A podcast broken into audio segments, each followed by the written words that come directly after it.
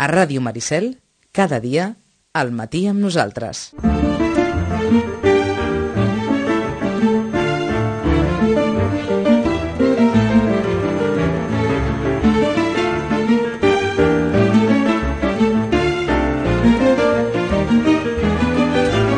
Un quart de dotze.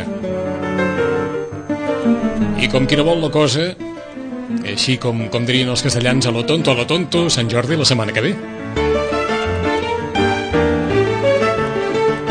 O sigui que, sense temps per al descans, la Rosana Lluc, com tants altres llibreters, al cap el deu tenir ja fet veritablement un, un collage i d'entre totes les propostes agudes i per haver, que en són moltíssimes, escollir aquelles que més o menys poden anar a petar a les parades que se situaran bé al passeig de la Ribera com cada any, en el cas de Quisitges i, i a Vilanova. Rosana, bon dia, bona hora. Hola, molt bon dia. A, a Vilanova les parades on les col·loqueu? A la Rambla. A la Rambla. Sí. O sigui que um, si una taula pot fer, què? Dos metres quadrats, tres...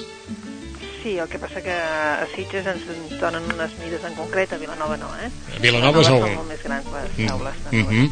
D'acord. Sí, perquè a Sitges ja saps que fan aquelles veles i per tant tots són iguals Mm -hmm. i cap molt poc llibre allà. Eh? O sigui que has d'estar molt, molt, molt, tot, tot, tot molt comprimit. Eh? I per tant has d'anar molt a la segura, eh? Exacte. Molt a la segura. Sí, I la si... majoria de novetats es queden a... és que no, Mhm. no hi caben i per tant eh, l'ordre és aneu cap a la llibreria perquè és que no, no hi caben. D'acord. Hi ha massa novetats, eh? Mm, mm, Hi ha massa novetats, Hi ha d'acord. massa novetats. O sigui, no és qüestió que allò ni bo ni dolent ni mig, sinó que les novetats ja acaparen... Sí, sí, sí, molt Mhm. més dels 3 metres que ens toquen, molt més, D'acord. molt més. Però vaja, eh, ja és això, no? És el Mhm. dia, És el dia. és el dia. És a dir, que cada any parlaríem de la mateixa qüestió, mhm, perquè si fa o no fa, mm, hem de suposar que l'any de la crisi tampoc ha afectat a les novetats. Hi ha tantes novetats com podien haver l'any anterior? Sí, Sí. sí, sí. sí. Que els editors diuen no, que no hem tret, eh, potser també és veritat que també ha sortit molt altre editor petit i llavors, eh, clar, tothom està fent la seva feina, tothom decideix que com a mínim en un editor petit no subsisteix, sinó en treu 20 a l'any, Mhm. uns altres diuen mm, 15, però vaja, eh, són moltes, la veritat és que són moltes novetats. Eh, I és això, no? O sigui, taules plenes de llibres, mm, també, és clar, només parlem de les novetats, però hi ha molts editors que s'han decidit a reeditar títols antics, que per Mhm. tant són novetats. Títols que havien, eh, que havien estat èxit en el seu temps, Rosana? Fa anys, no? Fa anys. Per exemple, doncs, un editor de, més aviat, Factoria, que és un editor més aviat de fantasia, ciència-ficció, doncs reedita aquests llibres. Llavors, mm, bueno, és que, clar, pel lector d'ara també són novetats. Mhm. És a dir, aquells que poden haver estat llibres d'una generació o llibres que en el seu dia varen, Exacte. varen tenir molt d'èxit i que han passat uns quants anys a l'oblit. I ara tornen a, a sortir. Mhm. Ens ha cridat l'atenció també i n'havíem parlat en el seu dia, el que passa és que aquests no arribaran, òbviament, per, per, per qüestions òbvies eh, a les taules de les llibreries el dia de Sant Jordi, Cossetània, que és una editorial, eh, diguem-ne, petita o, o mitjana, s'ha embolicat ja en l'edició de llibres electrònics i el llibre de les germanes Forrellat eh, em sembla que ja es pot adquirir en aquest format, foc entre, entre altres, no? El, el foc latent. El foc latent. sí, es pot adquirir en, en llibre electrònic, sí. Mhm. eh? Però ja torna a passar el mateix eh, per aquells que, que mirin el preu, eh, que no s'atabalin, que Mhm. recordin, que pensin, eh? perquè ja torna a passar el mateix, és a dir, són, són més cars. Eh? Eh que sigui? Sí, Perquè eh? si, val si fa o no fa el mateix que val el llibre. Eh, No, no, no, no. El que No? passa que, que, a veure, també s'ha de recordar que um, s'està fent de nou tot això. És a dir, s'està passant uh, el llenguatge de Mobi Pocket, que és el llenguatge que en aquests moments està triomfant, que no saben també si serà aquest o no, però de Mhm. moment és aquest, i esclar, uh, ho estan fent bé, eh? que també el, el, el lector de llibre electrònic recordi que tots aquests llibres que li estan donant eh, gratis, gratuïts, al Sí. comprar l'aparell, normalment hi ha bastantes errades, eh? perquè s'ha fet de pressa, perquè s'ha fet sense mirar Mm. i realment O, quadrada. o sigui, ara això funciona, Rosana, un es compra l'aparell i amb l'aparell, diguem-ne que com a promoció, Sí, hi ha tot un seguit de llibres disponibles d'una forma gratuïta. sí, però clar, són llibres que ja no hi ha drets, per tant, per Mhm. exemple, doncs pots llegir el Quijote, no? el Lazarillo, D'acord. vale? Uh -huh. tots, eh, diguem-ne tots els clàssics, oi? els clàssics, eh? pots llegir els clàssics del, del Dinon, la Jane Austen, etc. L'únic problema, eh? L'únic problema que us trobareu és que ningú no diu qui ha traduït, que per mi és un problema terrible, això. Mm. D'on s'ha tret l'edició en paper. Uh. És a dir, això ha sortit una edició en paper, Mm. que clar, eh, és molt diferent llegir-te una traducció que una altra. Això ho sabem, Sí. el, el paper del traductor és fonamental, almenys per nosaltres, sempre havia estat, i ara en aquest cas, en el cas dels que hi ha ara de moment, ui, ho tenim dur, eh? perquè no sabem qui l'ha traduït. Eh? És, és estrany que, el, que les editorials s'apuntin a aquest carro sense... És que no s'han apuntat les editorials. Ah, Fixa-t'hi d'acord. que de moment qui s'ha apuntat és qui ho està... Cossetània, no? Uh -huh. bueno, les, les, les, les tres, tant Cossetània com Bromera, com Angla, que són aquestes que han fet eh, aquesta proposta Sí, d'editat. aquesta proposta conjunta entre les Exacte, tres han fet editorials, una proposta no? conjunta, estan treballant conjuntament, és una plataforma ja que ja ho tenien ells clar, que també volien la plataforma digital, i estan treballant això, no? I per tant estan treballant sobre els seus llibres. Entesos. Llavors, clar, això és una cosa, no? Sabem que totes les altres editorials també estan treballant, però ara per ara, eh, a no ser que siguin la, aquella col·lecció de Palabres Mayores, que són set títols, que és aquella de, coedició de la Carmen Balcells, eh? Mm. agent literària, Sí. amb aquella empresa, que és la que està venent també els aparells electrònics, per tant és una empresa, no és del món del llibre, Uh -huh. eh, que ell està editant set títols en concret i són d'autors d'aquí, o sigui, el Mercè, el Camilo José Cela... mm, Bueno, clar, no hi ha problema amb aquests, perquè els llibres estaran bé, vale? Mm. però la resta, de tot això que no hi ha drets, ningú no se'n fa càrrec. Eh? Vaja. Quan tu mires a l'editor, diu Moby Pocket, o l'empresa Mhm. Lear, eh, és clar, Sí, sí. I vols dir Moby Pocket és una empresa, no és una editorial. Eh, no, clar, Moby Pocket és el llenguatge en el que, Ahà. m'entens, s'està ara passant tot això. D'acord. Has tingut ocasió de tenir-ne algun a les mans? Sí. I sí, què tal? Sí.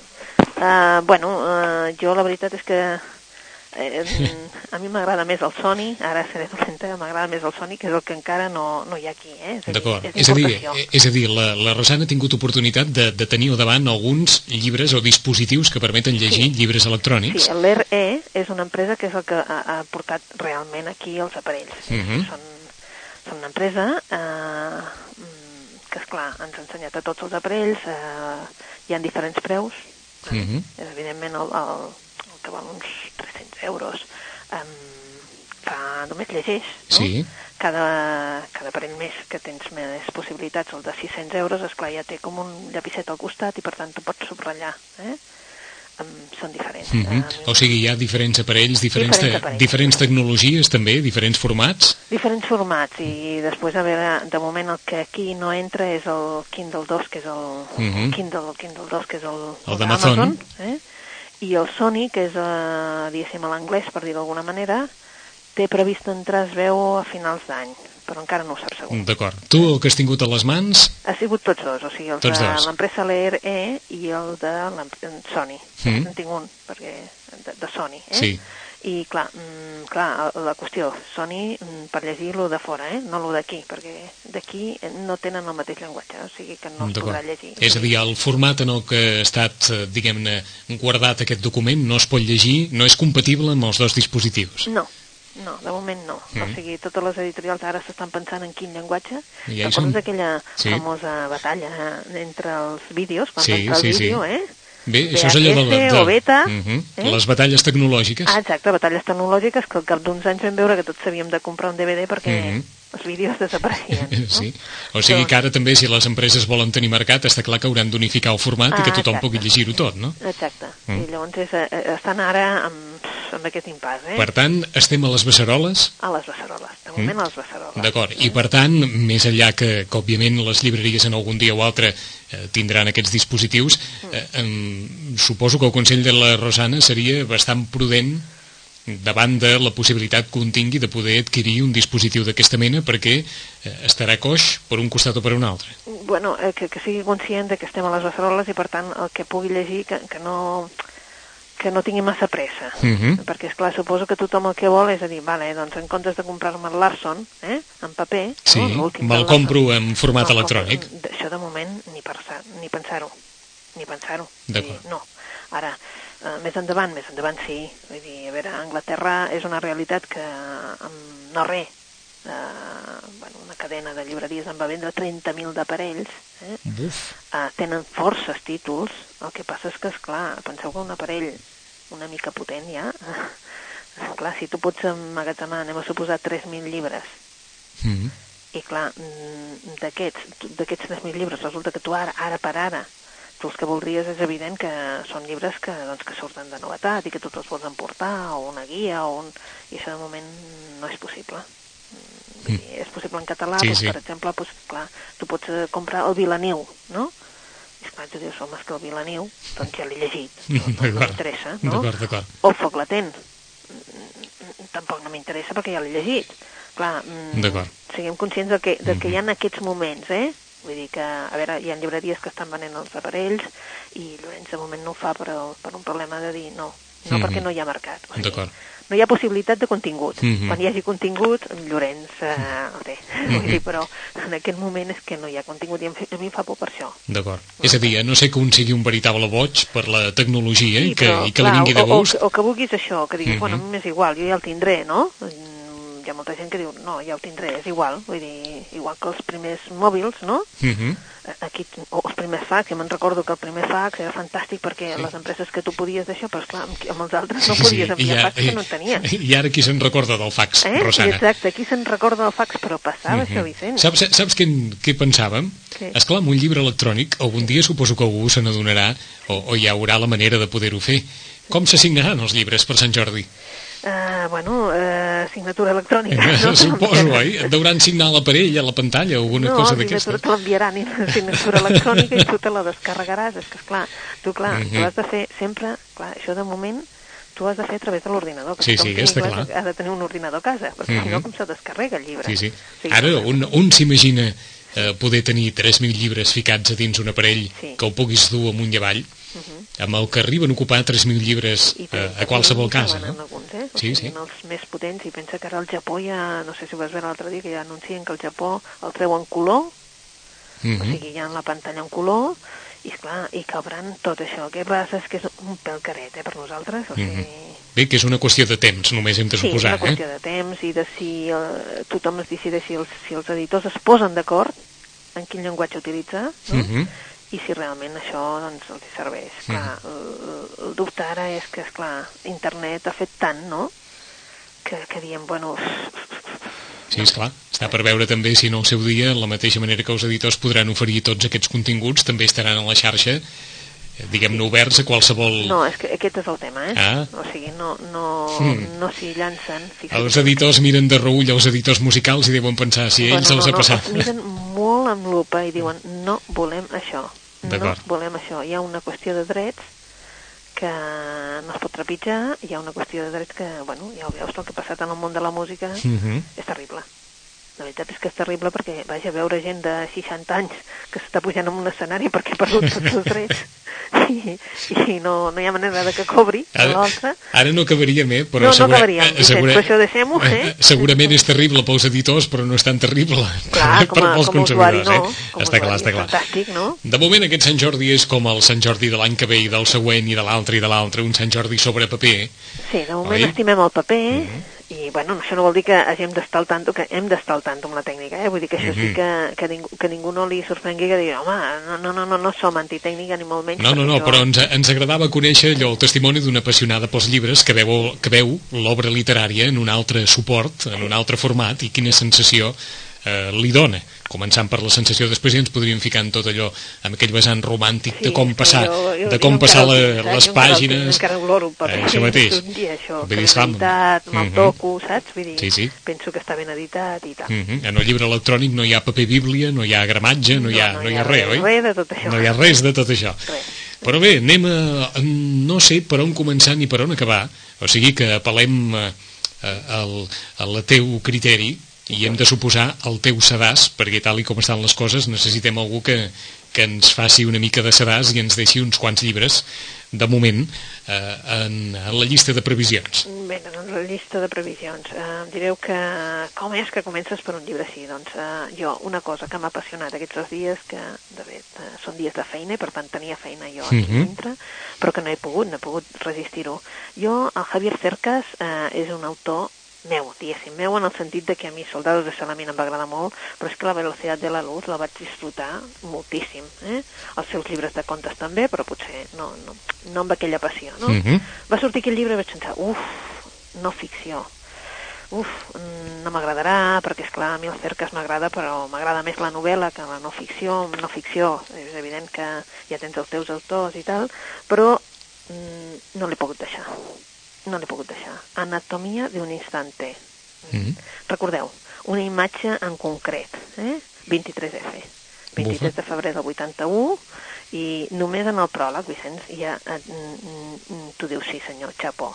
És a dir, què fèiem nosaltres? Què vam fer tots? És a dir, ja veníem d'una generació que ja havia sortit, o sigui, que la policia ja ens havia perseguit pel carrer, que havíem estat en contra absolutament de tot. Per, per mi, jo venia d'uns anys d'universitat en què, bueno, doncs vaga, vaga, vaga, i què vam fer aquell dia? Mm -hmm. Res, tothom a redondir-se i no fer res, exactament res, ningú no va fer res.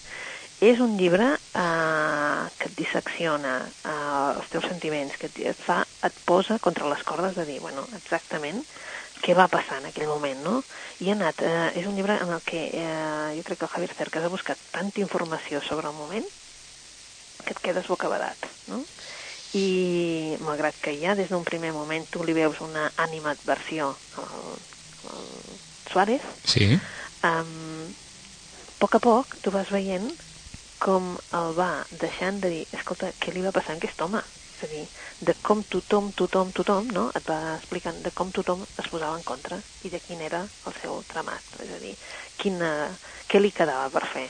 En definitiva, a tots, a tots els que vam passar aquella època, recordem la imatge de Gutiérrez Mellado dret eh, enfrontar-se Mhm. a la Guàrdia Civil, el, aquells cridant todo el mundo al suelo i el Suárez impertèrrit a la seva cadira, allà assegut, Sí. sense moure's, apenjat, i també el Santiago Carrillo, és a dir, els tres personatges. Mhm.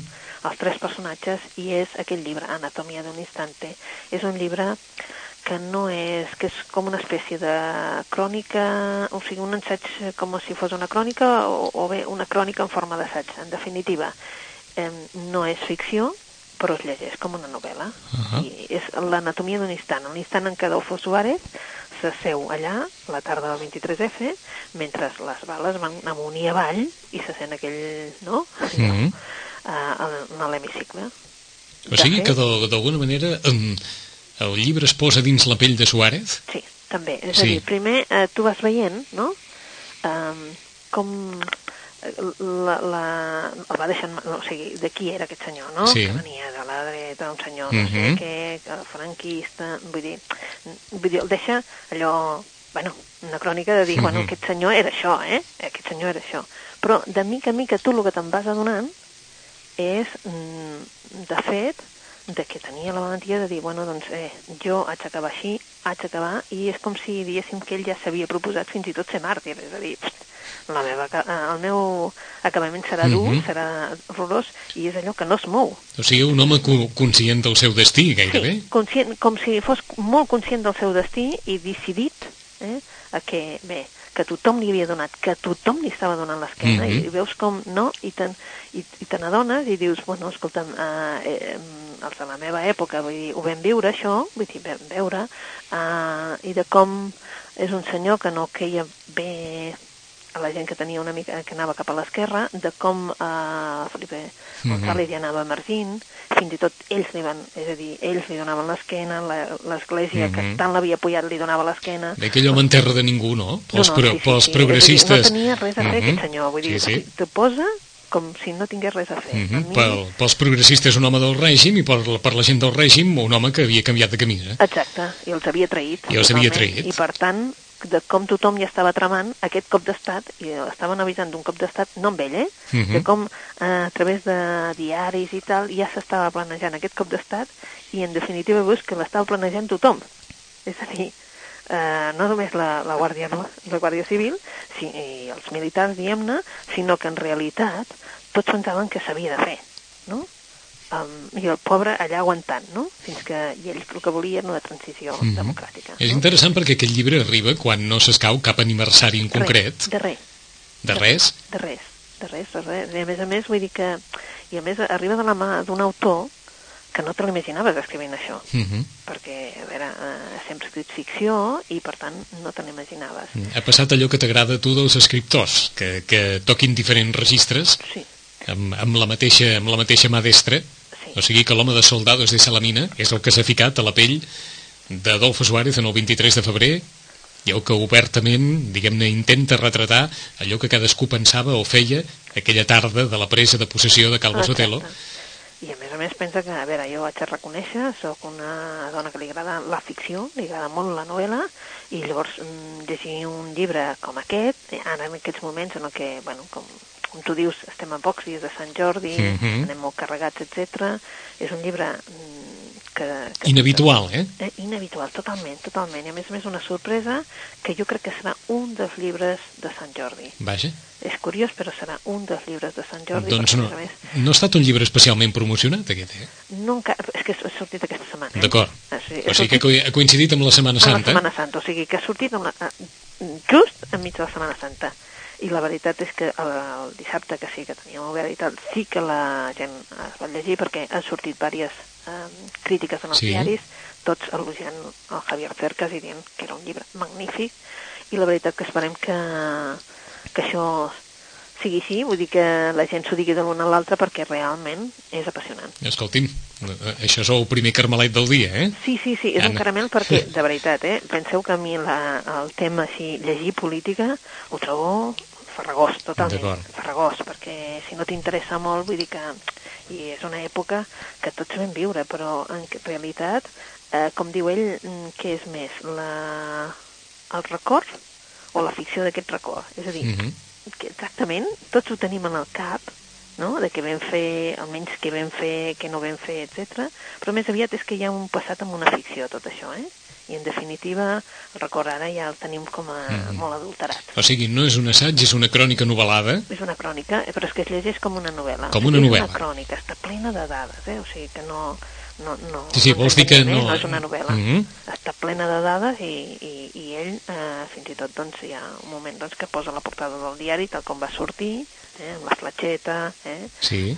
fa, vaja, una crònica, Bé, doncs eh, han passat 28 anys sí. i Javier Cerca s'enfronta a Anatomia d'un instante el 23 de febrer. Ens sembla que en poques ocasions, fora de la literatura, com deia la Rosana, estrictament política o de l'assaig polític, s'ha agafat el 23 de febrer amb aquesta intenció, Sí. per dir-ho així, no? Sí, sí, perquè ell mateix diu que només hi ha dos llibres, un, un que era una com una espècie de ficció, Mhm. eh, que posaven, evidentment, dades que sí que eren correctes, i un altre que és, una, és un tema com si, saps? Com si tothom... Eh?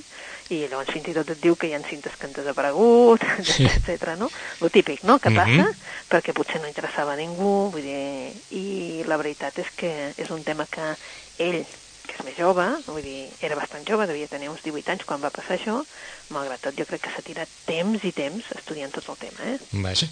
O sigui que mentre, mentre feia la velocitat de la luz, segurament ja tenia això al cap, eh? Uh, jo diria, ell deia que tenia com una novel·la, o sigui, tenia planejat fer una novel·la sobre això, no? I li van demanar, ho explica en el llibre, li van demanar que fes una novel·la, i al final va veure que no, que realment el que li ha sortit no és una novel·la, uh, va estripar la novel·la i va fer exactament Anatomia d'un instant. D'acord.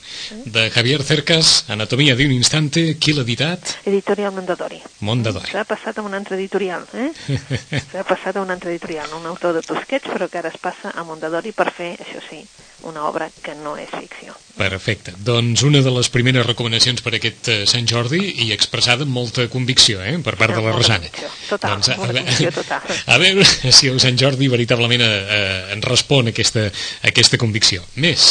Més, bé, uh, un que no, no, no recordo si el vam comentar, és que no he mirat el d'això, és el del Qureshi. Em sembla que no. No, una cosa per explicar-vos en català o editat també en castellà, en català per Empúries i en castellà per anagrama. Uh, Hanif Qureshi és un d'aquells autors del Dream Team uh, anglesos, eh? és d'aquest uh, pakistaní, però ja ell, diguéssim, de segona generació, ell ja és anglès de segona generació, és un autor que sempre ens parla de, de Londres, però més aviat suburbi de Londres. Eh? Um, D'una de les seves obres en, se'n va fer una pel·lícula, Mi hermosa lavanderia, és autor també d'una obra que fa estralls que és Intimitat, eh? De com pot acabar un- una parella, eh? en definitiva, i ara aquí ens presenta una obra completament diferent. Una cosa per explicar-vos és, eh, ens parla de Hamal. Hamal és un psicoanalista, és un, té una germana, una germana en el que realment eh, sempre ha sigut ella la germana gran, però no pas el model per eh, d'això. Han tingut sempre una relació de dependència, però també alhora eh, són una família típica, perquè ells dos es van quedar amb la mare a, a, vivint a Anglaterra quan el seu pare va decidir que ell tenia feines a fer a la Índia i va marxar a la Índia. És a dir, vivia una... Des de petits ell ja va veure que el seu pare doncs, vivia una altra vida a la Índia, que de tant en tant tornava, eh? i bé, tenia relació amb ells, però vaja, no tenien una relació amb el pare molt llunyana, no? Cosa que, clar, la mare, diguéssim que amb tot això no hi, no hi feia res, diguéssim, és una mare, una mestressa de casa, que tenia una feina per subsistir, etc. Per tant, ells no són de classe benestant, sinó de classe més aviat baixa. Mm? Ell va a la universitat i es converteix en un psicoanalista. Pues el Hamal ara és un conegut psicoanalista i realment el que persegueixen és aquell, el fantasma del seu primer amor, no? I un acte brutal de violència que que encara no ha pogut ell doncs, assumir del tot. Eh? Uh, mira enrere, mira cap enrere a la seva joventut, és la joventut dels anys 70 i construeix un escenari que, bé, mm, que hi surten tots els personatges que tres dècades més tard, quan ell i els seus amics s'acosten al caire de la mitjana edat, diguéssim, um, tornen a treure tots aquests traumes de joventut i veuen que els tenen per resoldre. Eh?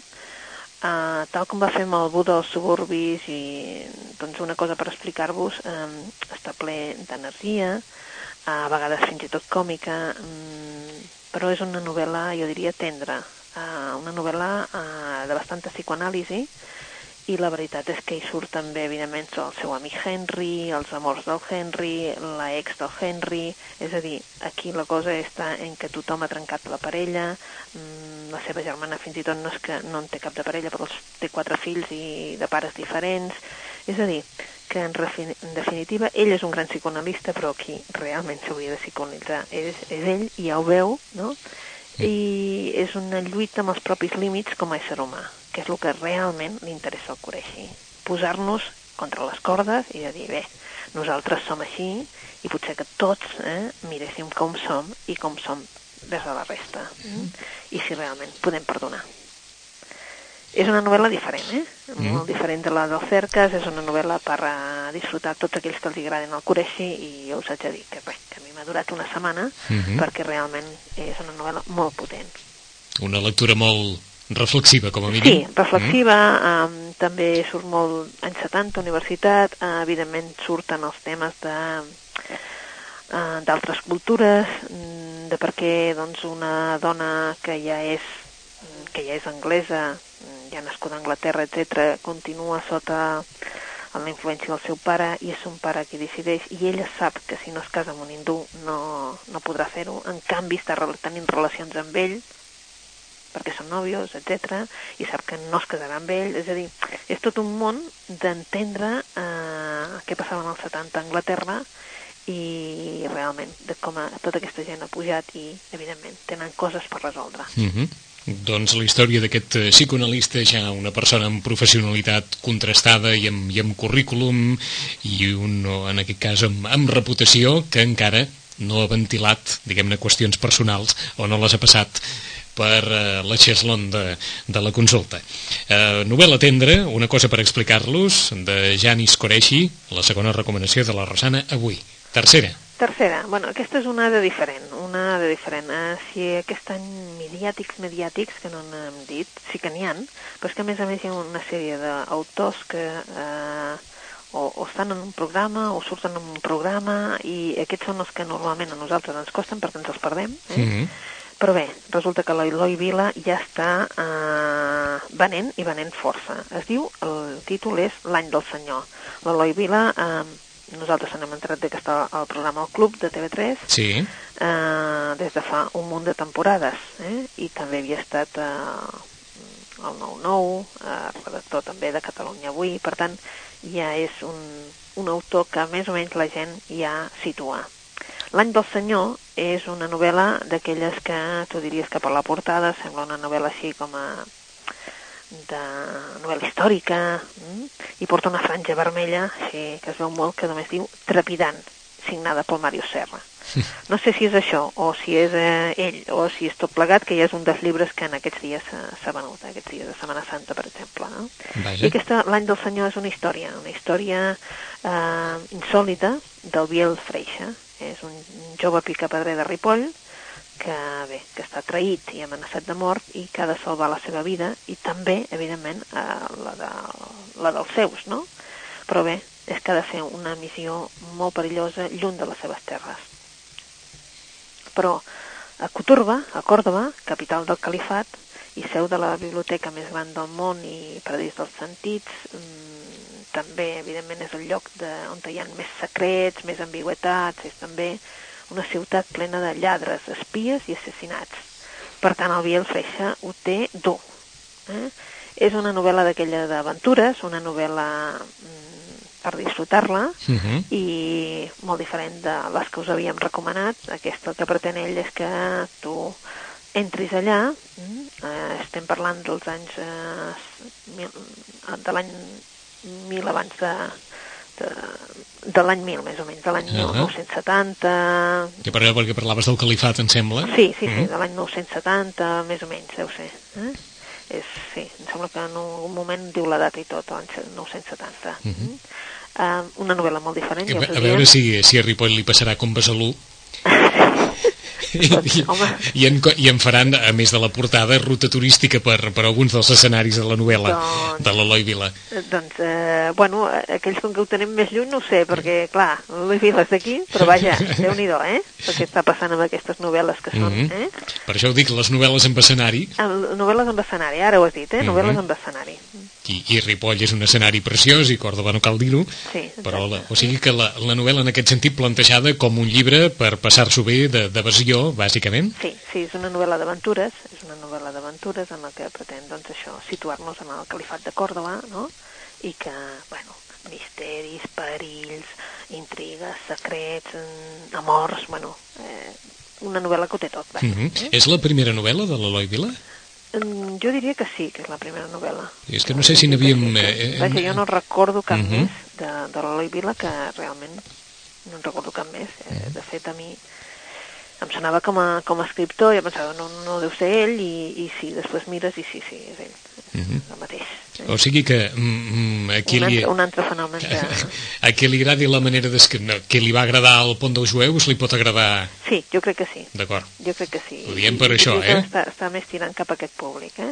d'acord. Sí, sí. És a dir, que li va agradar la novel·la de Martí Gironell, que es va convertir en un, en un dels llibres d'aquell Sant Jordi en què es varen esgotar, li pot agradar l'any del senyor de l'Eloi Vila. Sí. D'acord. Eh? De moment ja s'ha venut força abans d'arribar a Sant Jordi. Sí, sí, la veritat és que abans de Sant Jordi ja s'ha venut, ell ha fet també una edició així signada per les llibreries, s'està acabant, vull dir, saps allò que dius, bueno, uns quants signats i que, doncs, que ha anat a l'editorial i han començat a signar, no? Sí. pues, bueno, doncs, eh, eh, ja s'estan acabant aquests i dius, bueno, doncs eh, és curiós perquè tampoc no, jo no he vist tampoc publicitat ni res de res, no? Mhm. Home, No sé si ens ha passat que, que pel fet de la Setmana Santa, allò de la difusió de les diferents Sí, obres de Sant sí, Jordi, difícil, eh? ha, costat una miqueta. Sí, sí. Tenim temps encara per una més, Rosana. Per una, mm, bueno, aquesta és una també d'un autor diferent, un autor completament diferent, ja passarem la setmana que ve si de casa amb els Mhm. que són més coneguts, i aquests són també, eh, eh, se n'anem cap a Kabul, se n'anem cap a, eh, cap a, amb l'Atik Rahimi. Atik Rahimi eh, ja fa uns anys va publicar una obra molt tendra que es deia eh, Terra i Cendra, que a casa nostra va tindre força èxit perquè era una de les finalistes del Premi Llibreter. En Terra i Cendra ens explicava doncs, precisament la guerra mm, d'Afganistan i doncs com un avi eh, anava amb el seu net a buscar el, el seu fill, diguéssim, per dir-li que havia mort la mare, que havia mort la seva dona, que havia mort l'altra, i de que el nen s'havia quedat sord d'una bomba, i pensava que el nen no se n'havia enterat de res. És evident que el nen n'havia enterat, és una obra preciosa, no? I de com quan arriba eh, el pare, eh, el seu fill, diguéssim, i pare de la criatura, ja ho havia intuït tot. Però ara ens presenta una obra diferent, es diu La pedra de paciència. La pedra de paciència és eh, l'angoixa d'una dona, la tensió de totes unes hores que ella passa al costat del seu marit, que està ferit, ferit de guerra. Mm? L'home està allà moribund, al llit de casa seva, a fora continuen caient les, les bombes per tot arreu, um, bueno, i és, la vida dels veïns també es va segant un al costat de l'altre, no diguéssim, els amics de la família, els nens del barri, tots, eh, tots en aquest moment estan patint la guerra i molts estan caient, no? A poc a poc eh, ella es queda sola i la dona li parla i anem descobrint els horrors, els horrors que amaguen una vida normal, aparent normal, eh? maltractada, ignorada, deixada de banda durant tots aquests anys de matrimoni. Mm? I ara, clar, la dona el que fa al costat d'aquest home que geu és vomitar doncs, la ràbia i el ressentiment i tots aquells secrets que han tingut callats durant aquest temps. Eh? Clar, eh, una mica podria recordar a 5 hores com Mario, del, mm -hmm. del Miguel Delibes, si voleu. Eh? En aquest cas, eh, ell encara no és mort, no? És el que anava a dir. Eh?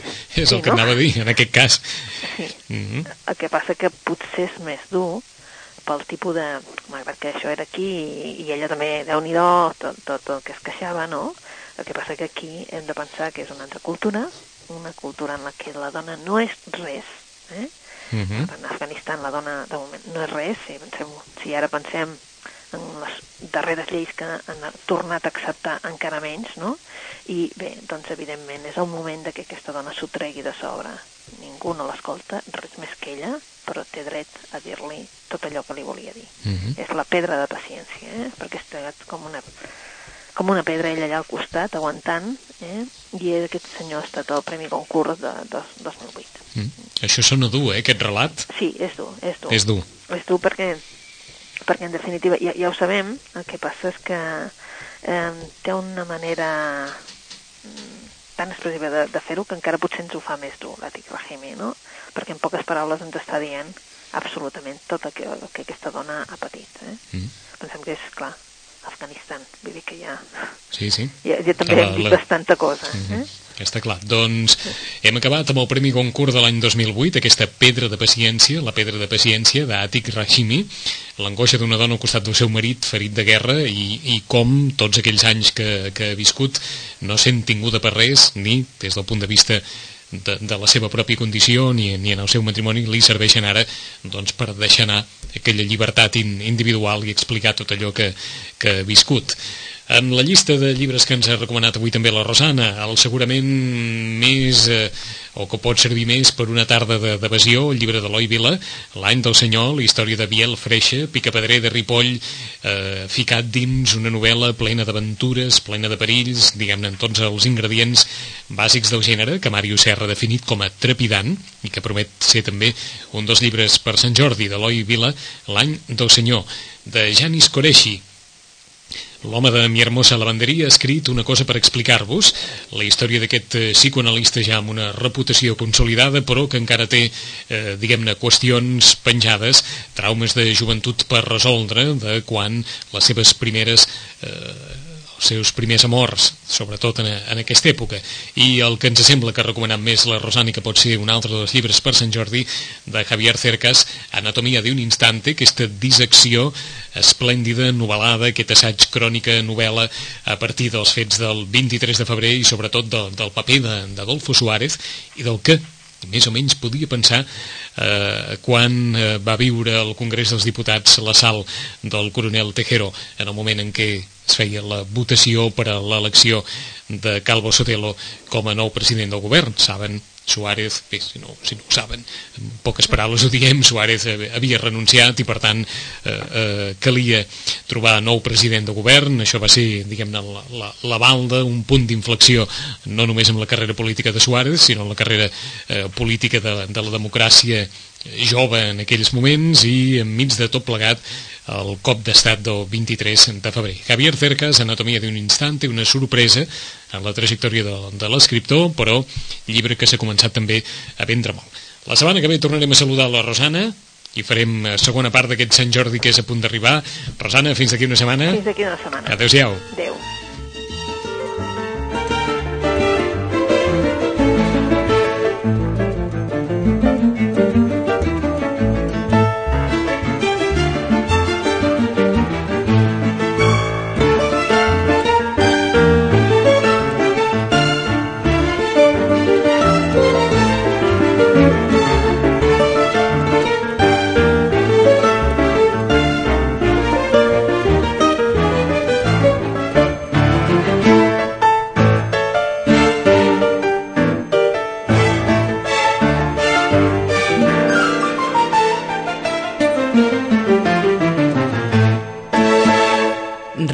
Maricel, 107.8 FM.